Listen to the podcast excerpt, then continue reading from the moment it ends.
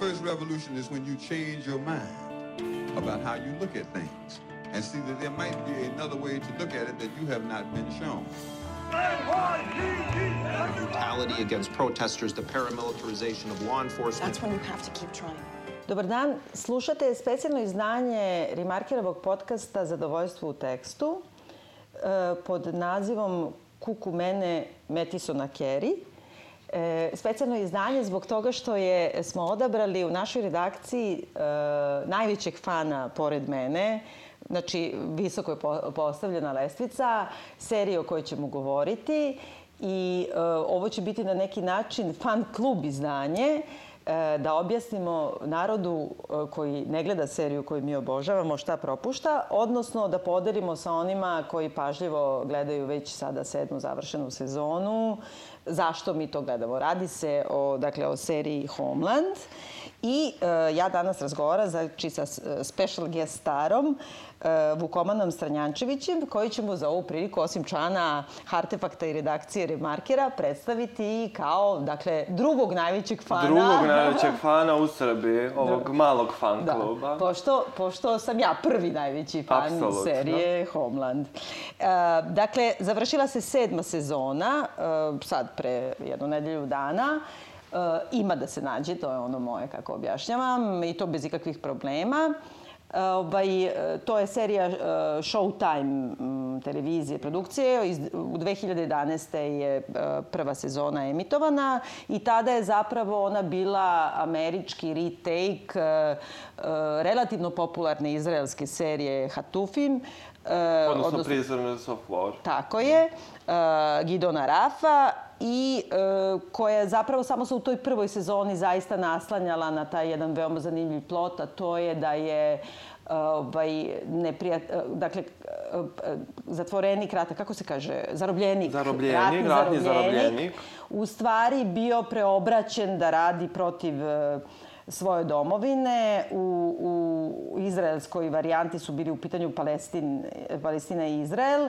Ovde su u pitanju Irak, odnosno Al-Qaida i Amerika i e, od toga da se on vraća kao heroj zapravo u Ameriku e, i da se nekako sve vreme vrti oko toga da li je on zaista preobraćen ili nije, ko, šta je pravi terorizam, a šta nije, koji su razlozi terorizma i tako dalje. To je ono što je bio drive u stvari u prve dve sezone. Da, i ko su heroji u stvari. I da li heroji u toj situaciji uopšte postoje. Da. E, dakle, u te prve dve sezone to se nekako i naslanja na tu izrazku, a posle toga više ne uopšte. Ne, to posle dobio neku skroz slobodnu formu. Mislim, oni nastave da se bave nekim svojim temama. Od toga, od te kao zaštite domovine, pa se onda to posle širi, oni prelaze u Evropu, pa se ponovo u sedmoj sezoni vraćaju Jel mogu da te Amerike. pitam ovako ono moje klasično pitanje, sad, a sad samo malo ovaj, obrnuto. Koja ti je sezona najbolja? Ili koje su ti sezone najbolje? Uh, prva, četvrta i sedma. Bravo, isto, potpuno isto imamo, potpuno. Pa ne, prva zato što je Mislim, ja nisam nešto ove, do tad pratio. Serija Homeland je prva serija koju sam ja krenuo tako istinski da pratim. Četvrta, jer su se oslobodili Brodija, pa je nekako serija Bravo, prodisala. Bravo. I sedma, jer su se nekako izvukli iz te krize koje su imali generalno u petoj šestoj sezoni, koje su bila onako poprilično neodlučne u tome šta u stvari žele da, da kažu. Fenomenalno. Ja potpuno, potpuno derim tvoje mišljenje i šta više sada, pošto koristim svaku priliku da ponovo gledam Homeland, Ja ću da otkrijem jednu tajnu. Ja sam završila ovaj, posle diplomske studije i prijavila temu koja mi je odobrena za doktorat. I jedna od centralnih e, stvari u toj temi je e, case study upravo Homeland, odnosno Divno. Carrie Mathison.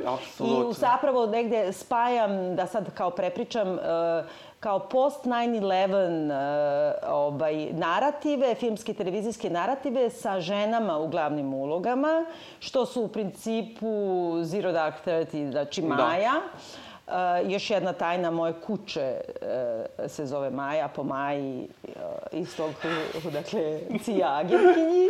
A ovaj, kako se zove i uh, Valerie Plame, odnosno film Fair Game, koji je sada nedavno zbog vesti novih u Americi, to ću da objasnim, ponovo došao u, u žižu javnosti i to je jedan od filmova koji je onako promakao ovde, ali ima da se nađe i stvarno jako dobar sa Sean Pennom i sa Naomi Watts, koje prati upravo istinitu priču raskrinkavanja jedne CIA analitičarke agentkinje u političke svrhe u Americi koja se zaista dogodila. Odlično.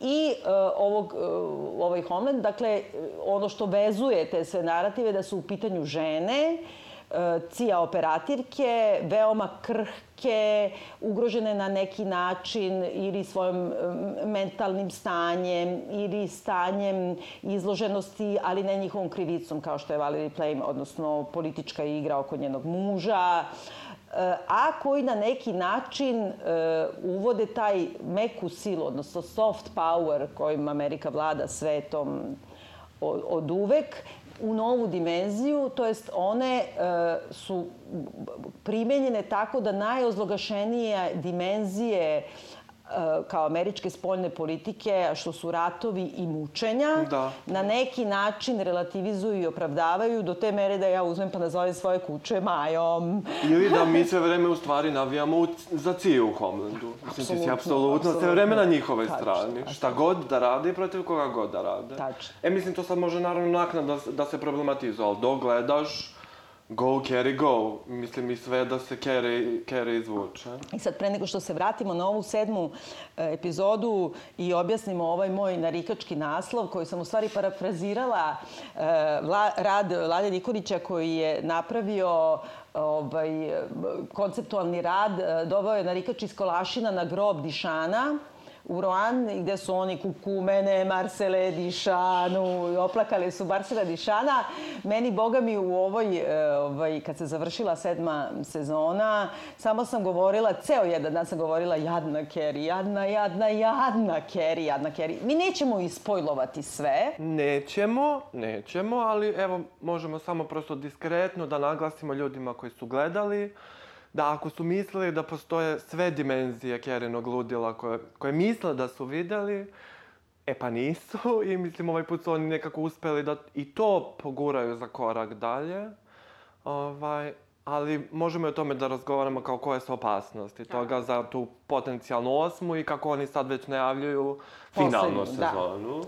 U suštini, kako smo do sada viđali, gotovo u svakoj sezoni je trop da uh, Carrie Mathison, dakle CIA analitičarka koja je blistava, briljantna, ali i bipolarna, to je ono što se neka zvala manijakalna depresija, dakle to je jedno ozbiljno duševno oboljenje koje je njoj nasledno od oca, što saznemo u prvoj sezoni, i koje ona reči auto medikamentovanjem, odnosno sama, pošto krije od cije, brate, da je duševno bolesna, sama sebi preko sestre određuje lekove, da bi u jednom trenutku e, bila primorana da se autuje i jedino što njoj pomaže i što je u ovoj seriji, u ovoj sezoni naglašeno, je kad ode skroz u to ludilo, da se resetuje elektrošokovima.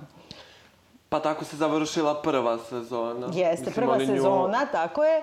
I e, u, ovoj sezoni se ponovo vraćamo na te elektrošokove i to je bilo dosta neobično zato što nekako u pola sezone ona odlazi na to i e, nekako je svi sažaljevaju, a ona nalazi opravdanje da, i govori da, da, da, da, da, da. za mene to funkcioniše. I sada da ne spojlujemo, ali kada vidimo kraj ove sezone, naravno da pomislimo da će, da će ovog puta elektrošokovi pomoći ili ne.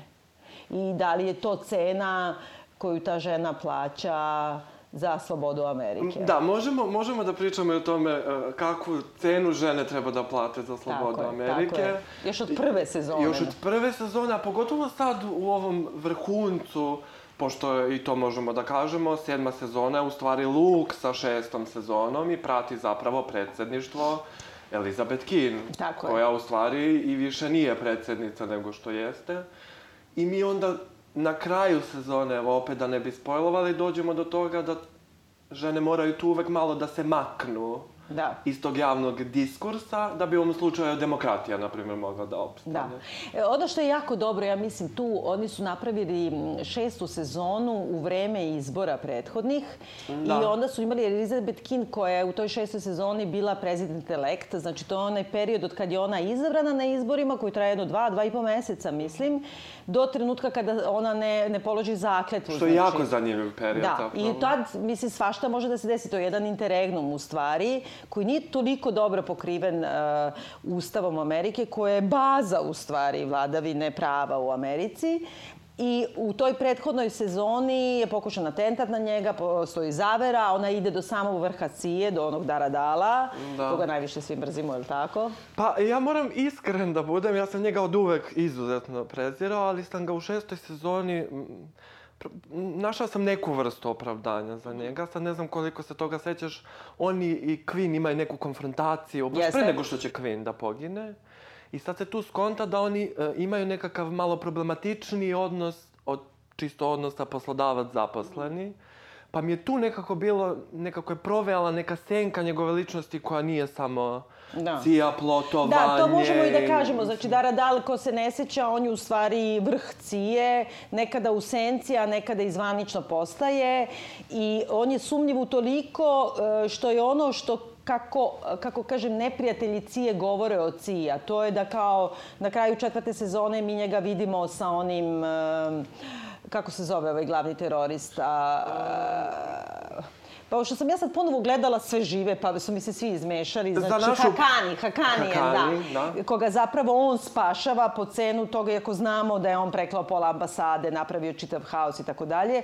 Odjednom se završava sezona tako što ti vidiš da je Kerry svesna da Dara Dal, dakle vrh Cije, ta srce tame u Ciji, ono kako mi Ciju doživljavamo sa negativne strane, spašava teroristu. Da, on je kao negativni sol, u stvari. Da, da, da. I on, on, je je ono, sol. on je ono kako se Cija gleda od, kao možda objektivnih posmatrača ili neprijatelja, a ne od nas koji smo potpuno podlegli tom soft poweru i vrlo ponosno to govorimo. E sad, uh, u ovoj, uh, kako govori, šestoj sezoni, on je jedan od ovih što plotuje atentat na izabranu predsednicu, zbog toga što je ona demokratkinja i to je snimano u vreme kada su svi misli da će Hillary biti Da, predsednica. da, da, da, da. I to je, na to ćemo se vratiti kako su se oni izvukli iz toga.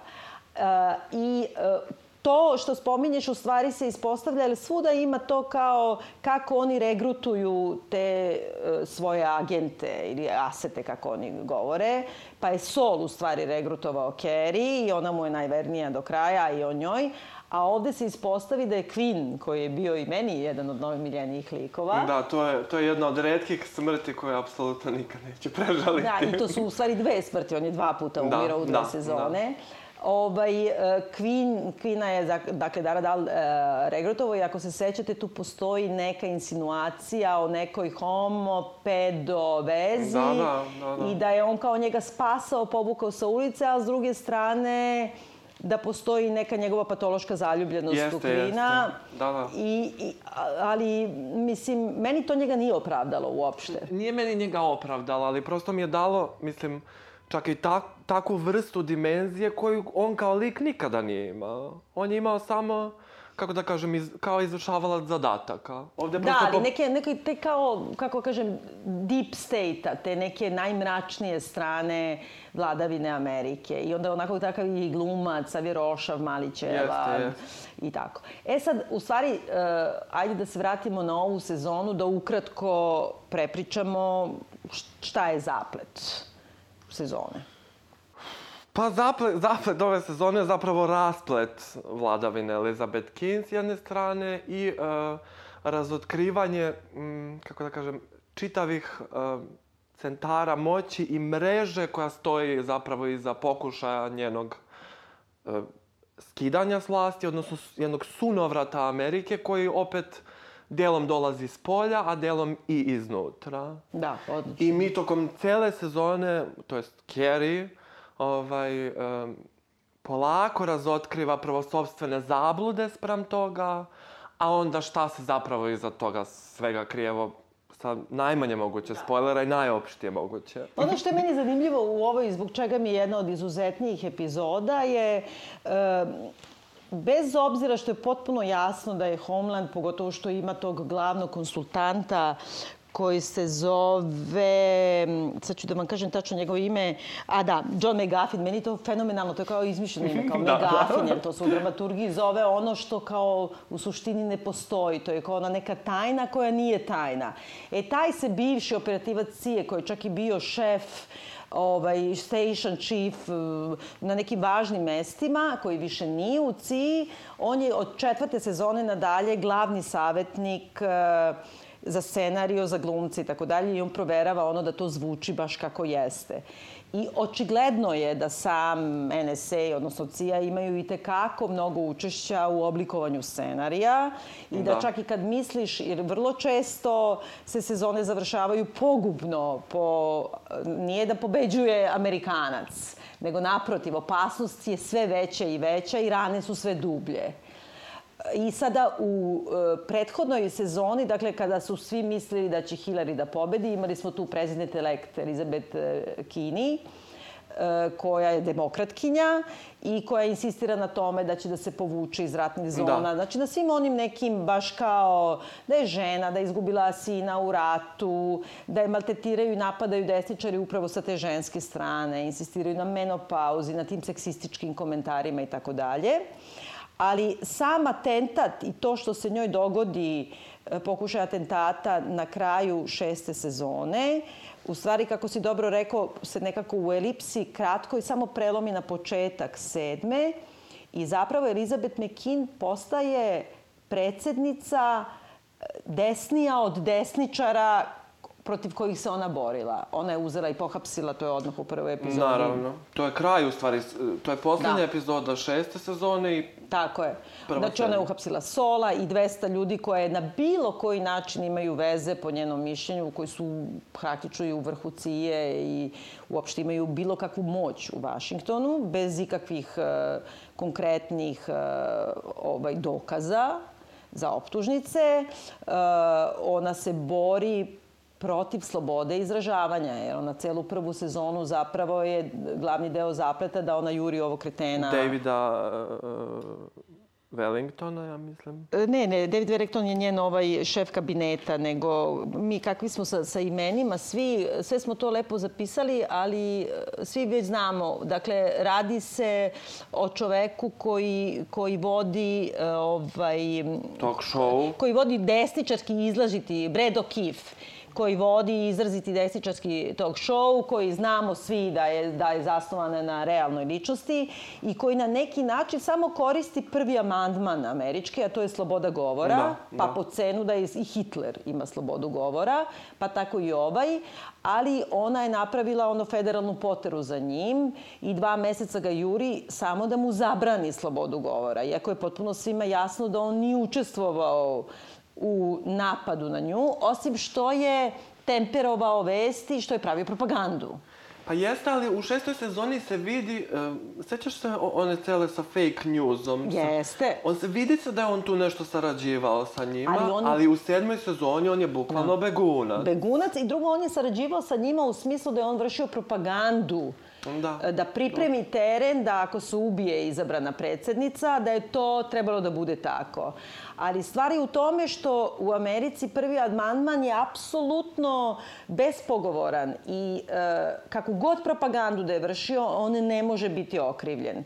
Za razliku od sudova koje je Amerika osnovala, koje, koje kao, na primjer, Haški tribunal ili tribunal za Ruandu, gde su i tekako novinari i oni koji su propagatori bili rata, masakra i tako dalje, moglo im se suditi. I to je nekako zanimljivo da Amerikanci hoće da sude strancima jer im je jasno kolika je uloga zle reči i propagande e, u ratu, i to i mi ovde svi znamo, ali s druge strane na sobstvenom terenu e, zbog te kao kako da kažem svetosti ustava nemoguće je da se takne u taj prvi amandman.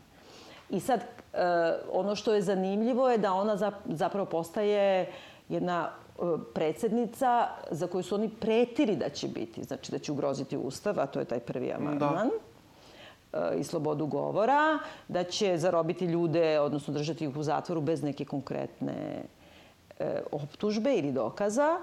Uh, u prvoj epizodi takođe vidimo suđenje generalu koji je bio šef. McClendon, da. general McClendon. I za koga ona traži smrtnu kaznu. Smrtnu kaznu i vrlo je, vrlo je ljuta što se to nije... Mislim, ta, ta epizoda se završava kad ona kaže u stvari Wellingtonu, deal with it. Da, uradi nešto s tim, jer on je dobio doživotni zatvor, da.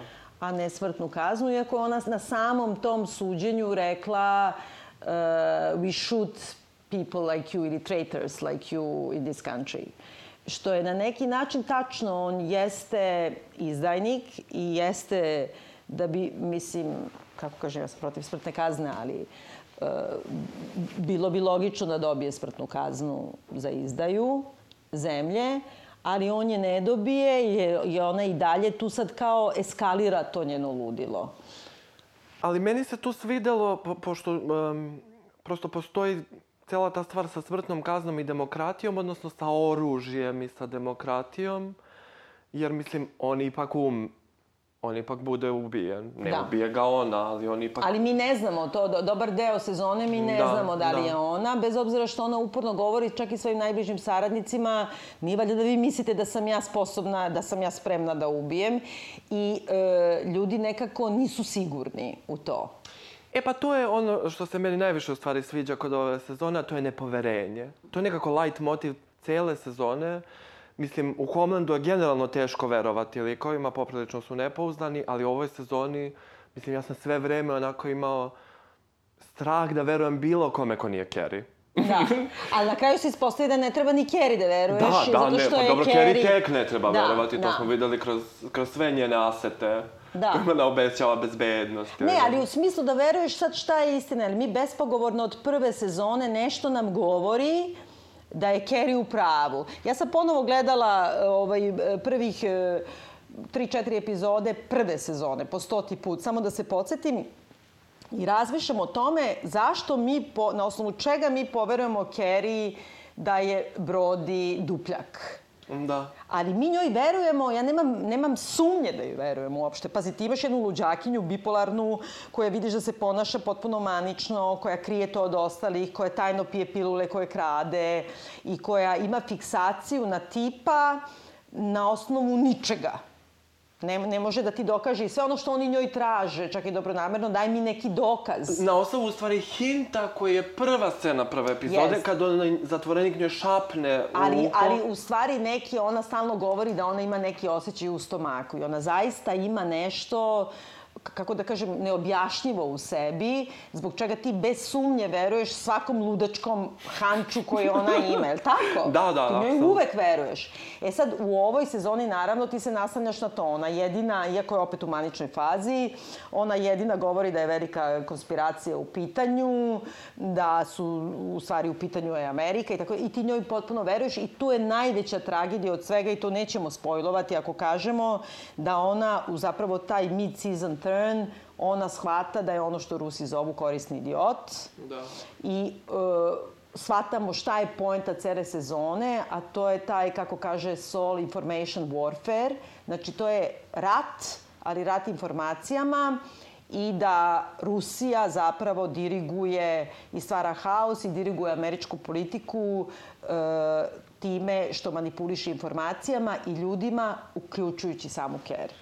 Da li si ikada mislila kad si gledala prvu sezonu Homelanda da će u sedmoj da se ikada vrate na Rusiju i na ne, odnose sa Rusijom? Ne, mada sam razmišljala, pošto sam dosta čitala i zbog, zbog tih doktorskih studija dosta čitala o tome i naravno da liberalni mediji e, najviše kritikuju Homeland zbog toga što glorifikuje CIA i da neki način opravdava sve što je Amerika u tom smislu radila, ali zato što govori da su kao uvek bili e, prikazivani ti tropovi kao džihadistima, svaki musliman je u stvari opasnost, iako to uopšte nije tačno.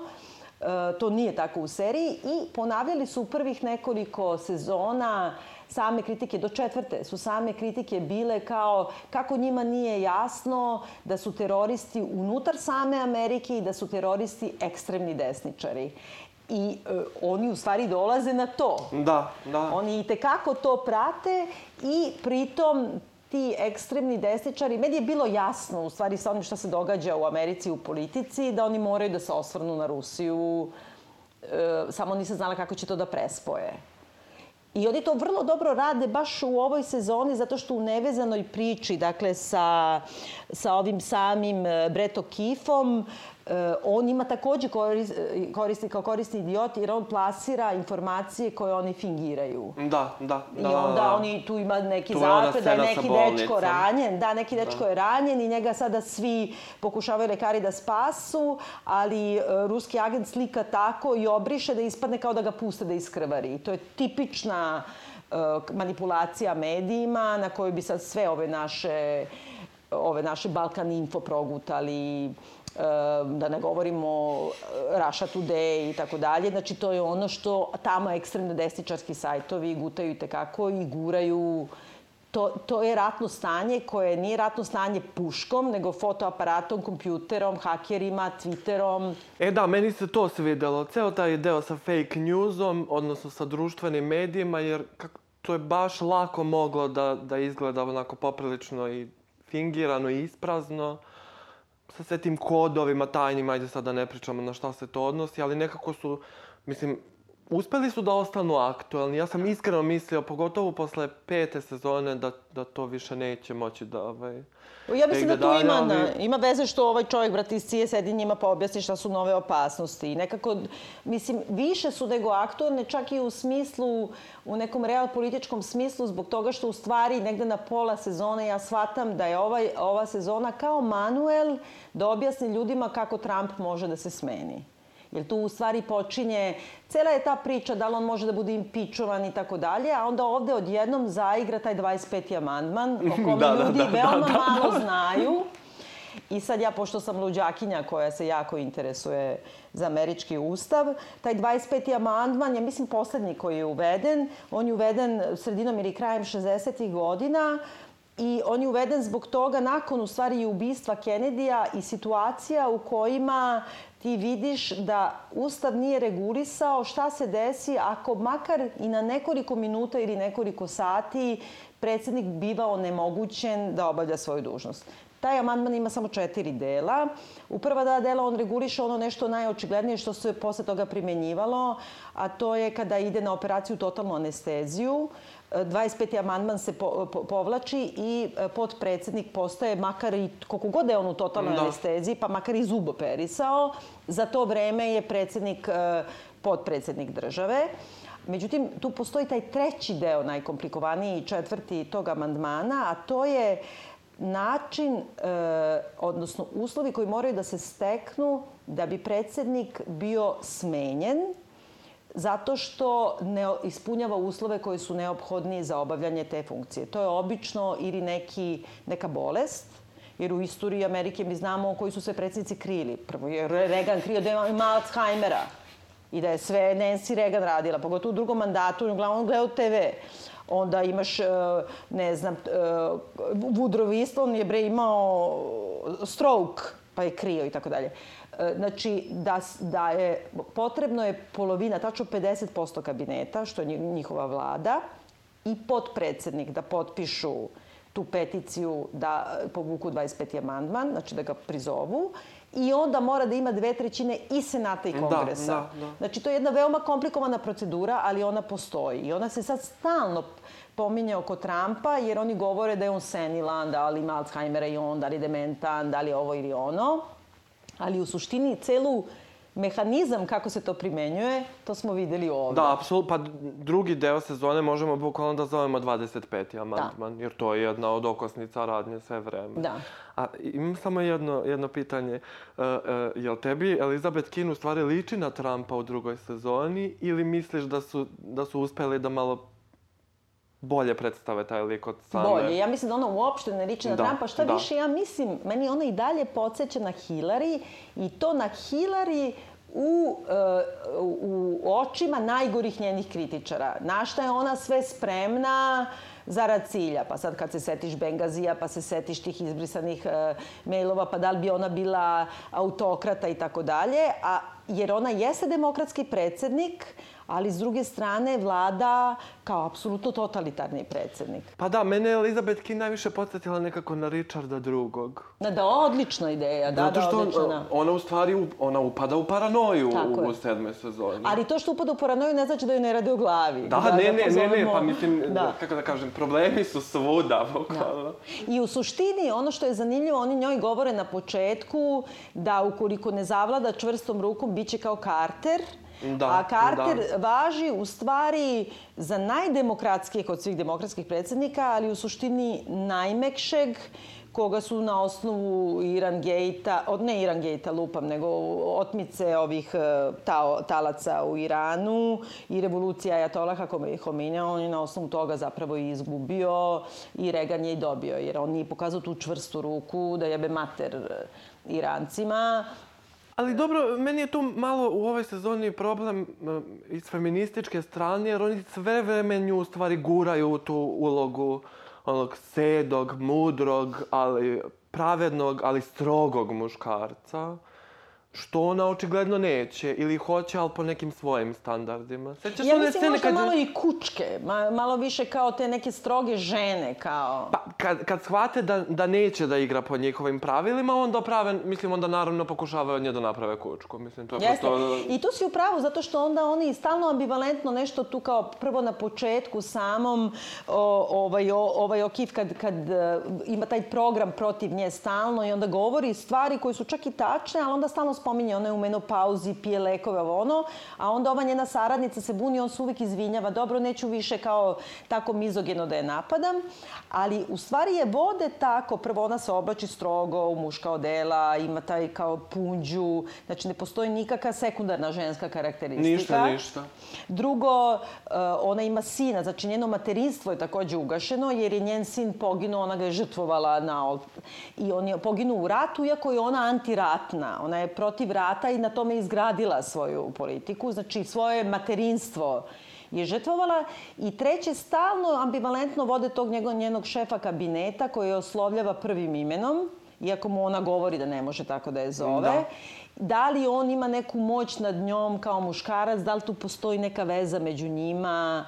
Pa to je ostalo tako nedorečeno, ali ja opet mislim da je prosto to deo tog diskursa. A šta ti misliš, da su oni bili u šemi ili ne? Pa ja iskreno mislim da jesu. Ja isto mislim da Jer se sve jesu, me da. potencira da. da je ta veza toliko jaka među njima da prosto nadilazi uh, vezu šef kabineta Tako je. predsednik. Pritom on njoj ponudi ostavku i ona neće da prihvati ostavku, a pritom on njoj on uradi nedopustive stvari. Da, on, ono, da, da, Kako da. da kažem, uradi stvari zbog koje bi on morao da ide na, na vojni sud, kao što je, na primjer, naredi e, bombardovanje druge zemlje, protivno njenoj e, odluci. Meni je to bilo najslabija tačka možda ovoj sezoni. Nekako, pa sa stanovišta uverljivosti. Jeste, da, Prosto da mi je neverovatno da, da bi u tako ustrojenom sistemu ti mogao da ubediš e, nekog komandanta da je tebi predsednik rekao da, da se to uradi da sad ona neće da se bavi time. Mislim, a Mislim, tu si možda je pravu. moguće, ali Da. prosto znajući kakvu politiku Elizabeth King vodi, da ona voli da se pita za svaku doslovnu Da. stvar.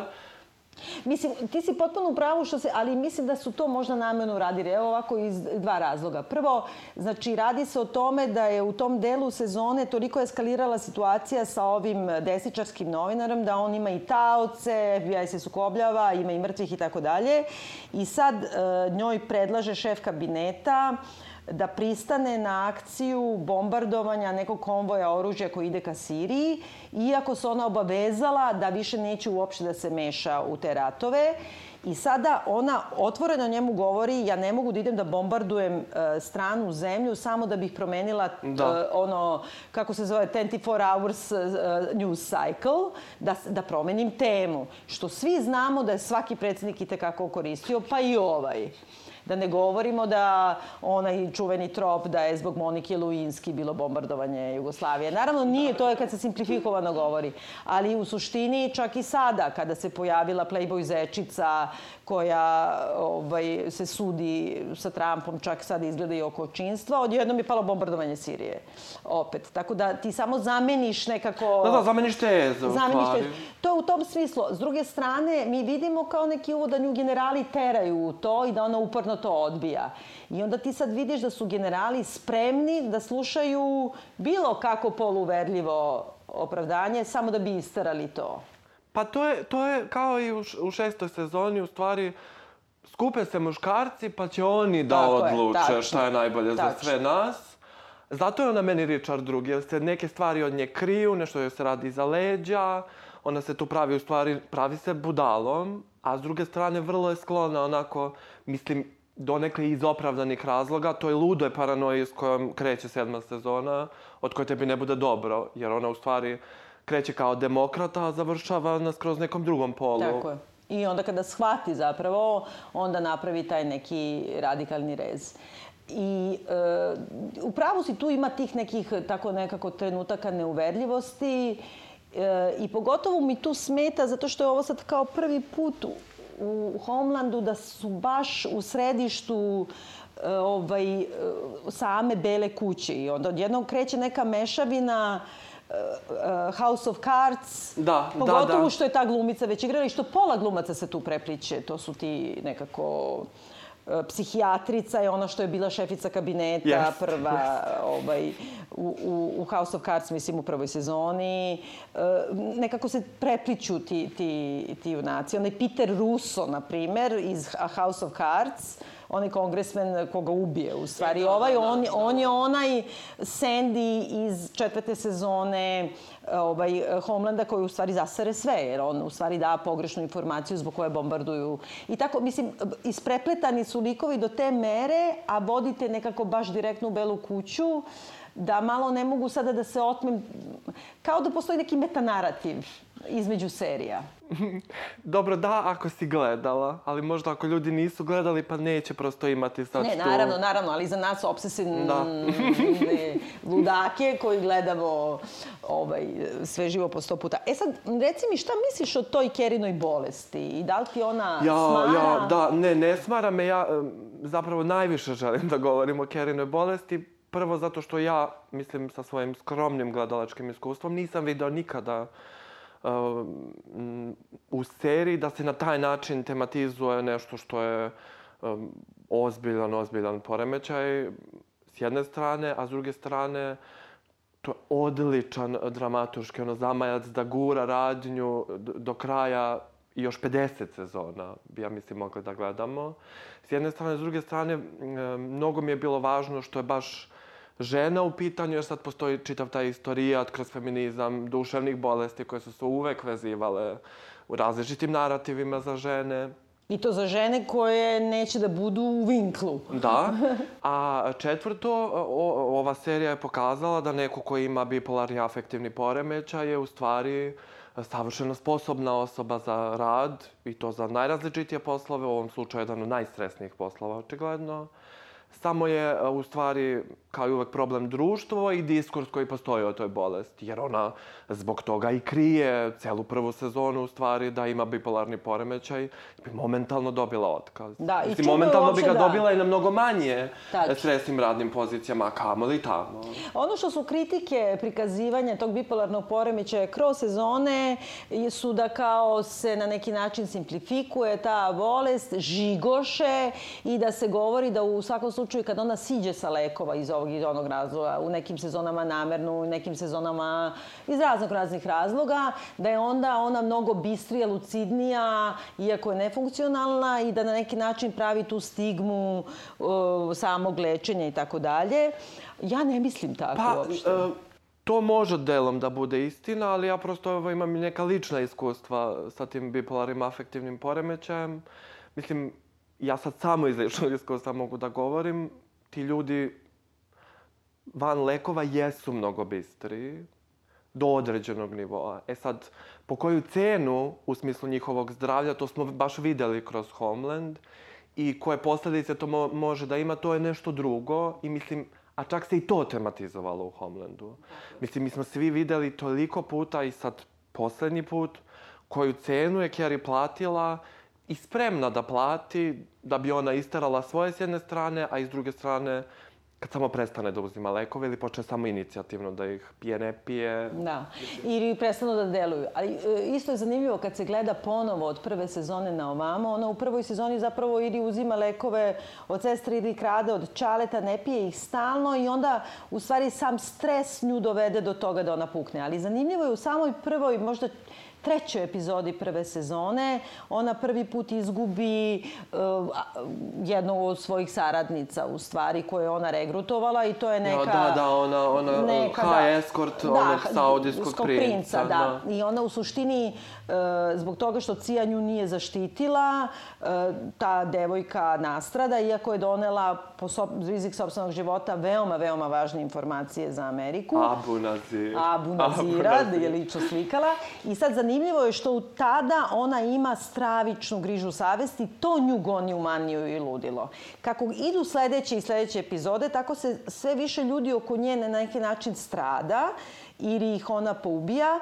Uh, da dovode do toga da u četvrtoj sezoni, e, kada je opšta slika Amerike, da se Amerika obračunava isključivo dronovima, bombardujući drone levo desno. Ona drone je drone queen. queen. Da. I ona ima na početku četvrte sezone, kada nešto izbombarduje neki pogrešan compound gde je bilo mnogo civila i to izazove međunarodnu krizu, e, kada se susreće prvi put sa Kvinom, on govori meni treba trenutak da se saberem, a ona sva krvava onako posle onog nekog ubistva da, da, da, dolazi da, da, da. Njoj, njoj ne kaže treba. ne, ne trebaju ni trenutak. I sad taj ceo put od toga da se ona sekira za ovu high class eskort i njeno nepravedno ubistvo do toga da raznese na komade uh, svadbu. Svadba, svadba je bila opet. Ja to nekako pripisujem tim lekovima koji nju iznivelišu tako da ona ni ne osjeća grižu savesti da bi mogla da, da ubija u stvari. Pa Jer... s, jedne, s jedne strane da, s druge strane baš u toj četvrtoj sezoni, mislim, nju opet poguraju, jer da. stres je, uh, uh, opet iz ličnog iskustva, Stres je glavni okidač uh, maničnih faza bipolarnog afektivnog Ali poremeća. nju poguraju tamo i zamene lekove, ako se sećaš. Ne, ne, kad dobro, ona na... prestane da pije lekova, ona postane luda, a kad je luda, počinje da osjeća i grižu savesti i, mislim, kako kažem, odjednom je nije sve jedno ko sve gine oko nje.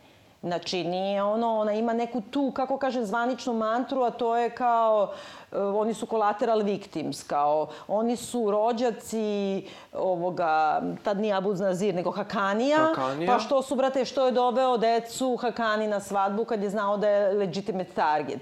I onda kad je na lekovima, ona ima zvaničnu američku priču, kao kad su nama bombardovali televiziju ili ne znam, ajde sad da kažemo, mala Milica na noši. A onog momenta kad ju tamo zamene lekove ili nema lekove iz nekog razloga, ona odlazi u ludilo, ali iz ludila govori istinu. Počinje da je muče duše, izginuli ih levo i desno i da li je to stvarno vredelo. Iako ona nikad ne sumnja u to da je njena osnovna stvar da čuva Ameriku.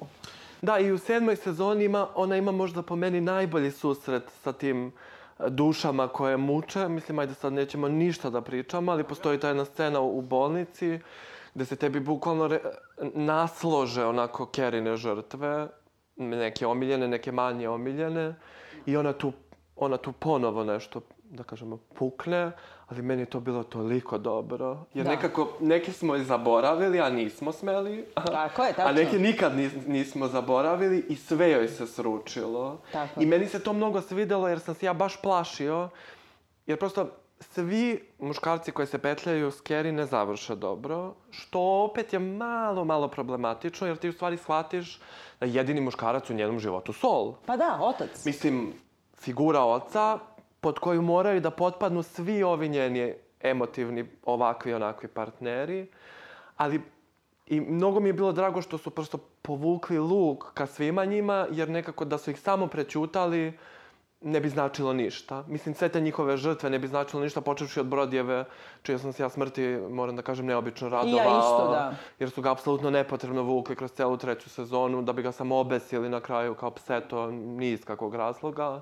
A pritom u toj trećoj sezoni ona mi je nešto najgora, zato što je ona, ona jedna neka nidi, zaljubljena budala da, koja da, juri da, njega. Da Mislim, e, kako kažem, jednostavno u prve dve sezone ti potpuno kapiraš kako to sad ima da se ona zaljubi. To je neki stokholmski sindrom njene sobstvene glave. Ona je Da. zarobljena sa tim čovekom u svojoj glavi, a u trećoj sezoni još i trudna, još je, mislim, e, besega. I još mi najviše nervira što je Iran tu tretiran potpuno onako najamaterski na svetu. Oni mešaju, mislim, Iranci su Persi, oni nemaju veze sa Arapima i šta više, oni su u, u ratu, ono, sa pola arapskih zemalja.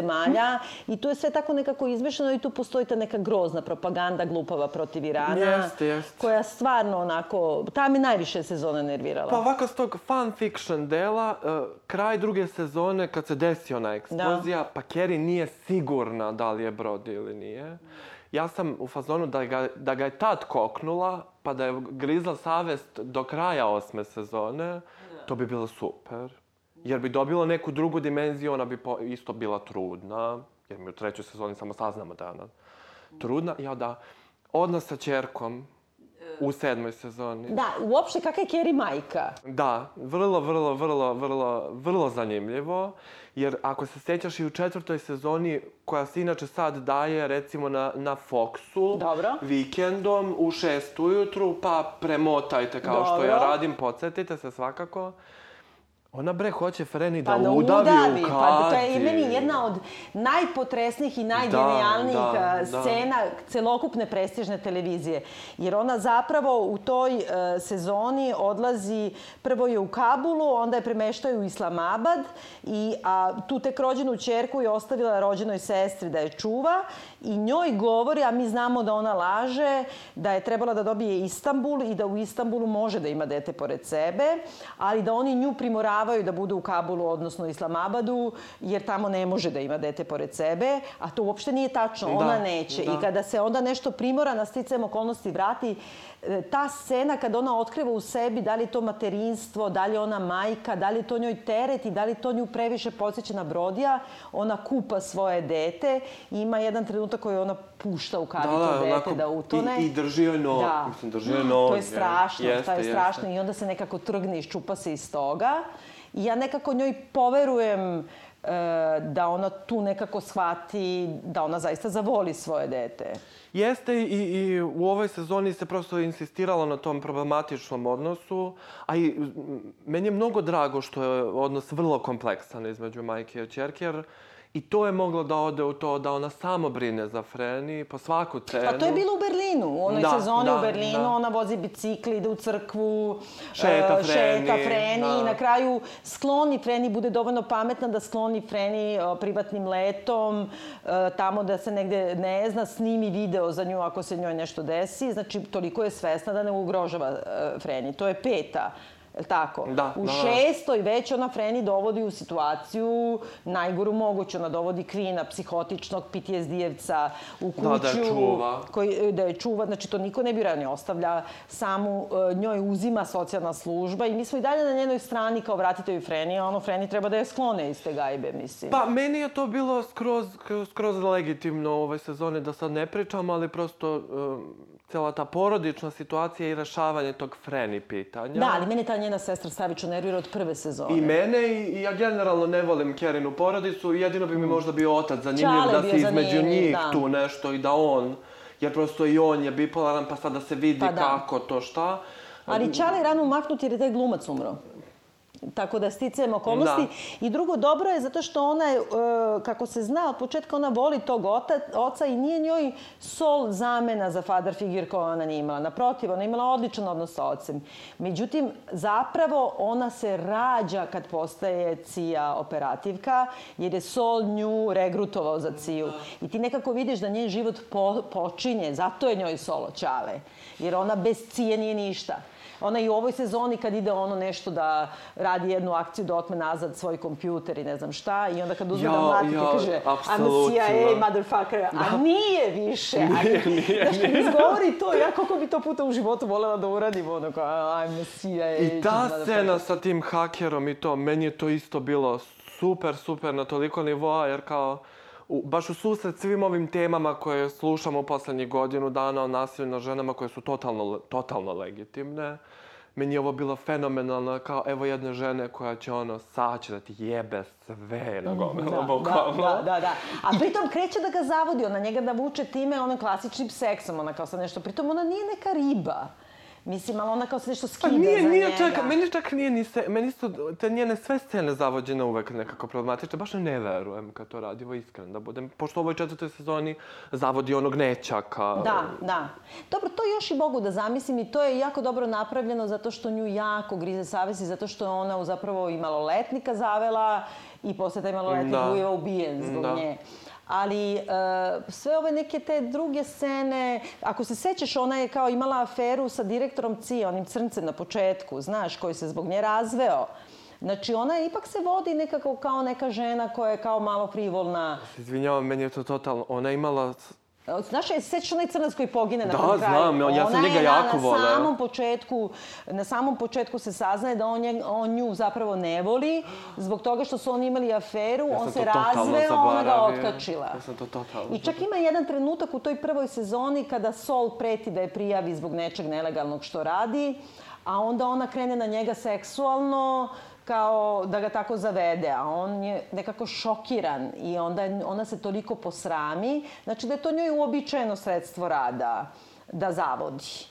Nekako, a to mi nešto ne ide uz nju. Ni meni, ni meni, no, baš je, kao sve vidim. To mi je kao, e, kad, kad zavodim, mi je kao kad stavi brown periku, Sad sam ništa. htjela da kažem, da, Znači, Carrie ništa perike. da. Let's talk about Carrie i Let's perike. talk about Carrie i perike. Znaš kada, u, mislim, u petoj sezoni, kada ona sa Kvinom, kada ona, ona ima sepsu i sve, i onda se ona nešto pakuje kao da ide i stavi periku i kao krene i onda pita njega, kao niko ne sme da zna da je ona uopšte živa, ona e, pita ga how do I look, a on kaže kao potpuno drugačija osoba. Ne, izgledaš kao Carrie sa perikom, Ne, brate. ne, ne znaš kako izgleda, ne znam da li si videla prve slike za uh, drugu sezonu Big Little Lies, pošto im se sad preključila nisam. Meryl Streep. Dobro, to će me nervirati. Da, znam, ali uglavnom Meryl Streep tu ima neku periku koja je bukvalno Carrie perika. Znači izgleda kao da je neko od statista koji inače nosi tu boju kose, samo prošao je ovako tutno je tu periku na glavu i ona ostala ovako da stoji.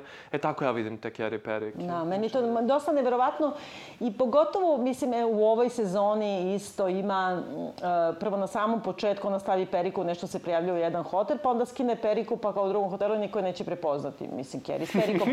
A drugo, e, zato što je ta način oblačenja hoda, to njeno dupe i njene tašne, ono cross body, to je da, nemoguće da, da. promašiti. A zatim je broj dva, i to je ono sada da za kraj se pozabavimo time, ruskim reakcijama na ovu sezonu, pošto su Rusi poludeli. Ako čitaš na Russia Today, pa pogotovo u komentare, imaju dosta tekstova o tome kao... Nisam se uopšte iskreno bavio ruskom recepcijom ovoga. O, da. znaš koja je teška pljuvačina i njihovo je ono glavno kao, pa da, da, da, prvo kao glavno zameraju što je ceo taj deo u Rusiji sniman u Budimpešti.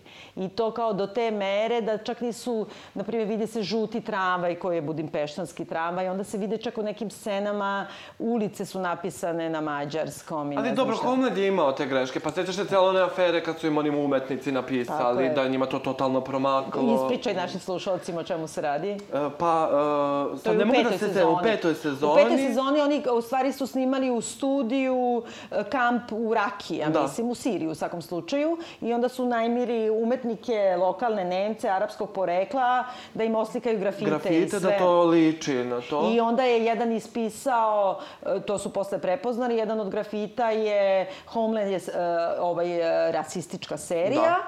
I tako imali su neke političke poruke i to je isplivalo. Ali ja mislim njih boli uvo. Pa s jedne strane možda, a s druge strane možda i nije loše što se to pojavilo. Mislim, koliko god ta kritika stajala, nestajala, prosto okej da bude adresovana, pa čak i na tako subverzivan način. Tako jer to je. suštinski jeste subverzivno. Jeste, jeste. Meni je samo problem ovde sa Rusijom, a to mi je generalno problem kad se prikazujemo, da kažem, mi Sloveni, to je da su oni svi tako nekako eksplozivni, nagli. Oni njih nešto tamo začas posla posvađaju. Ovog, ovog jednog koji, Jest. koji možeš misliti ima pare u, ame, u na američkim Tako je. računima, ah, kakvo otkrovenje. Ovaj, pa se onda tu oni nešto brzo se sukobe međusobno. Mislim, ja ne kažem da to nije moguće, ali da to može Ne, čak ne, ne, ali ti si potpuno pravu. prosto, prosto, znaš, kao, ti, ah, ti zapaljeni Sloveni kojima ono samo im reci, eto njih, ono sve će I da pogotovo urade. što su izabrali ovog glumca koji igra kao glavnog negativca Rusa i u The Americans. Da, da, I da, on The je ono kao sajko i kao vodi sve. I sad taj ceo podzapred da vam ne prepričavamo, ali u svakom slučaju dešava se to da se u centru bivšeg KGB-a nastane opšte puškaranje gde ona nešto preko prozora se vere da spasi, da izvedene jednu osobu, jednu ženu. I onda je opet dovoljno samo da stavi periku, da kao bude, da svi misle, Jurije, ceo KGB misle da, Da, je ona da. ta. E, čak ima onaj neki slapstick trenutak kada on ima i crveni šal pa kao zakači nekoj Jeste kad, za- prolaznici. kad baci one ženice. Ali dobro, tu su, na primjer, zamene perika upotrebljene u vrlo jasnu svrhu. To je zavaravanje. Aj, dobro, a sad ti meni reci da li stvarno KGB, ako ti ovi sede bre u sred Pentagona i gledaju sa, s, onaj CCTV ruske kamere onu, u krupnom planu i vide gde se Kerry kreće, misliš da je ovi baš jure neku perikom. Naravno, i meni je to neuverljivo, samo prosto tu, mi je, tu su mi perike totalno jasne. A drugo, zašto meni tu nije jasno, ajde sa dramske tačke gledišta, što ona kad već zavara trag, uh, ubaci šal, ovo što ne skine periku. Pa možda, možda Kerry misli da bi previše odskakala sad sa Ma plavom. ne, ne, ja mislim da ona kao, ima neko opravdanje da ona čeka da Sol i ostali, uključujući tu neku koju spašavaju, izađu iz i ona čeka da dobije signal da su ovi izašli, da su ušli u avion i poleteli, ali e, sama činjenica da oni ne mogu da nađu tu sa Perikom, odnosno tu osobu boje kose, ne znači da ove neće da puste. Oni samo mogu, ona skine periku i više ne mogu ništa da nađu. Da. Ima tu neka čudna rupa i to nekako... Ima to, ima ta rupa u kojoj ona kao CIA operativka baš poveruje tipu koja čuva u ruskom zatvoru da je on ono preko noći na njenoj Da, da, strani da, i ono da, nudi da, seks. da, da, da, Dođi da, da. se krešemo Da, da, uveče. da. Tako da odjednom baš si jeste, jeste, ono... jeste. Nisi baš tolika zavodnica, nekako... Pa niti smeš da budeš tako lako verna u takvoj situaciji. Pa da. Mislim, ja, ja mu ne bi verovao ni za onu hranu, a Pa kamo ti za ne znam pa nije nešto. naravno, mislim. apsolutno, baš naprotiv, baš Da, bih da. mislila da je to. E, na to Russia Today, pogotovo ti komentatori i forumaši, to je toliko smešno, pošto sve liči na naše ono, komentatore po novinama, na svaku vrstu američke teme. Ono kao, uh, uglavnom kritikuju sa tih nekih kao spojašnjih stvari, a to je kao prepoznaje se Budimpešta nije Moskva, baš bi se Rusi tako ponašali i šta je znam. I onda ovaj, e, komentatori govore uglavnom ono, da, glupi, neobrazovani Amerikanci, šta oni znaju, šta je e, ova, Mađarska, šta je Rusija. Znači, ceo onaj naš neki, ali, e, kako da kažem, oni baš rade na tome da kao se protive jednoj seriji, kao što se mi ljutimo kada Angelina Jolie snima, pa kao koji glumac je igrao U ovo, u zemlji krvi. Pa da, koji glumac prihvata uloge da igra prot, loše Srbe, a koji ne.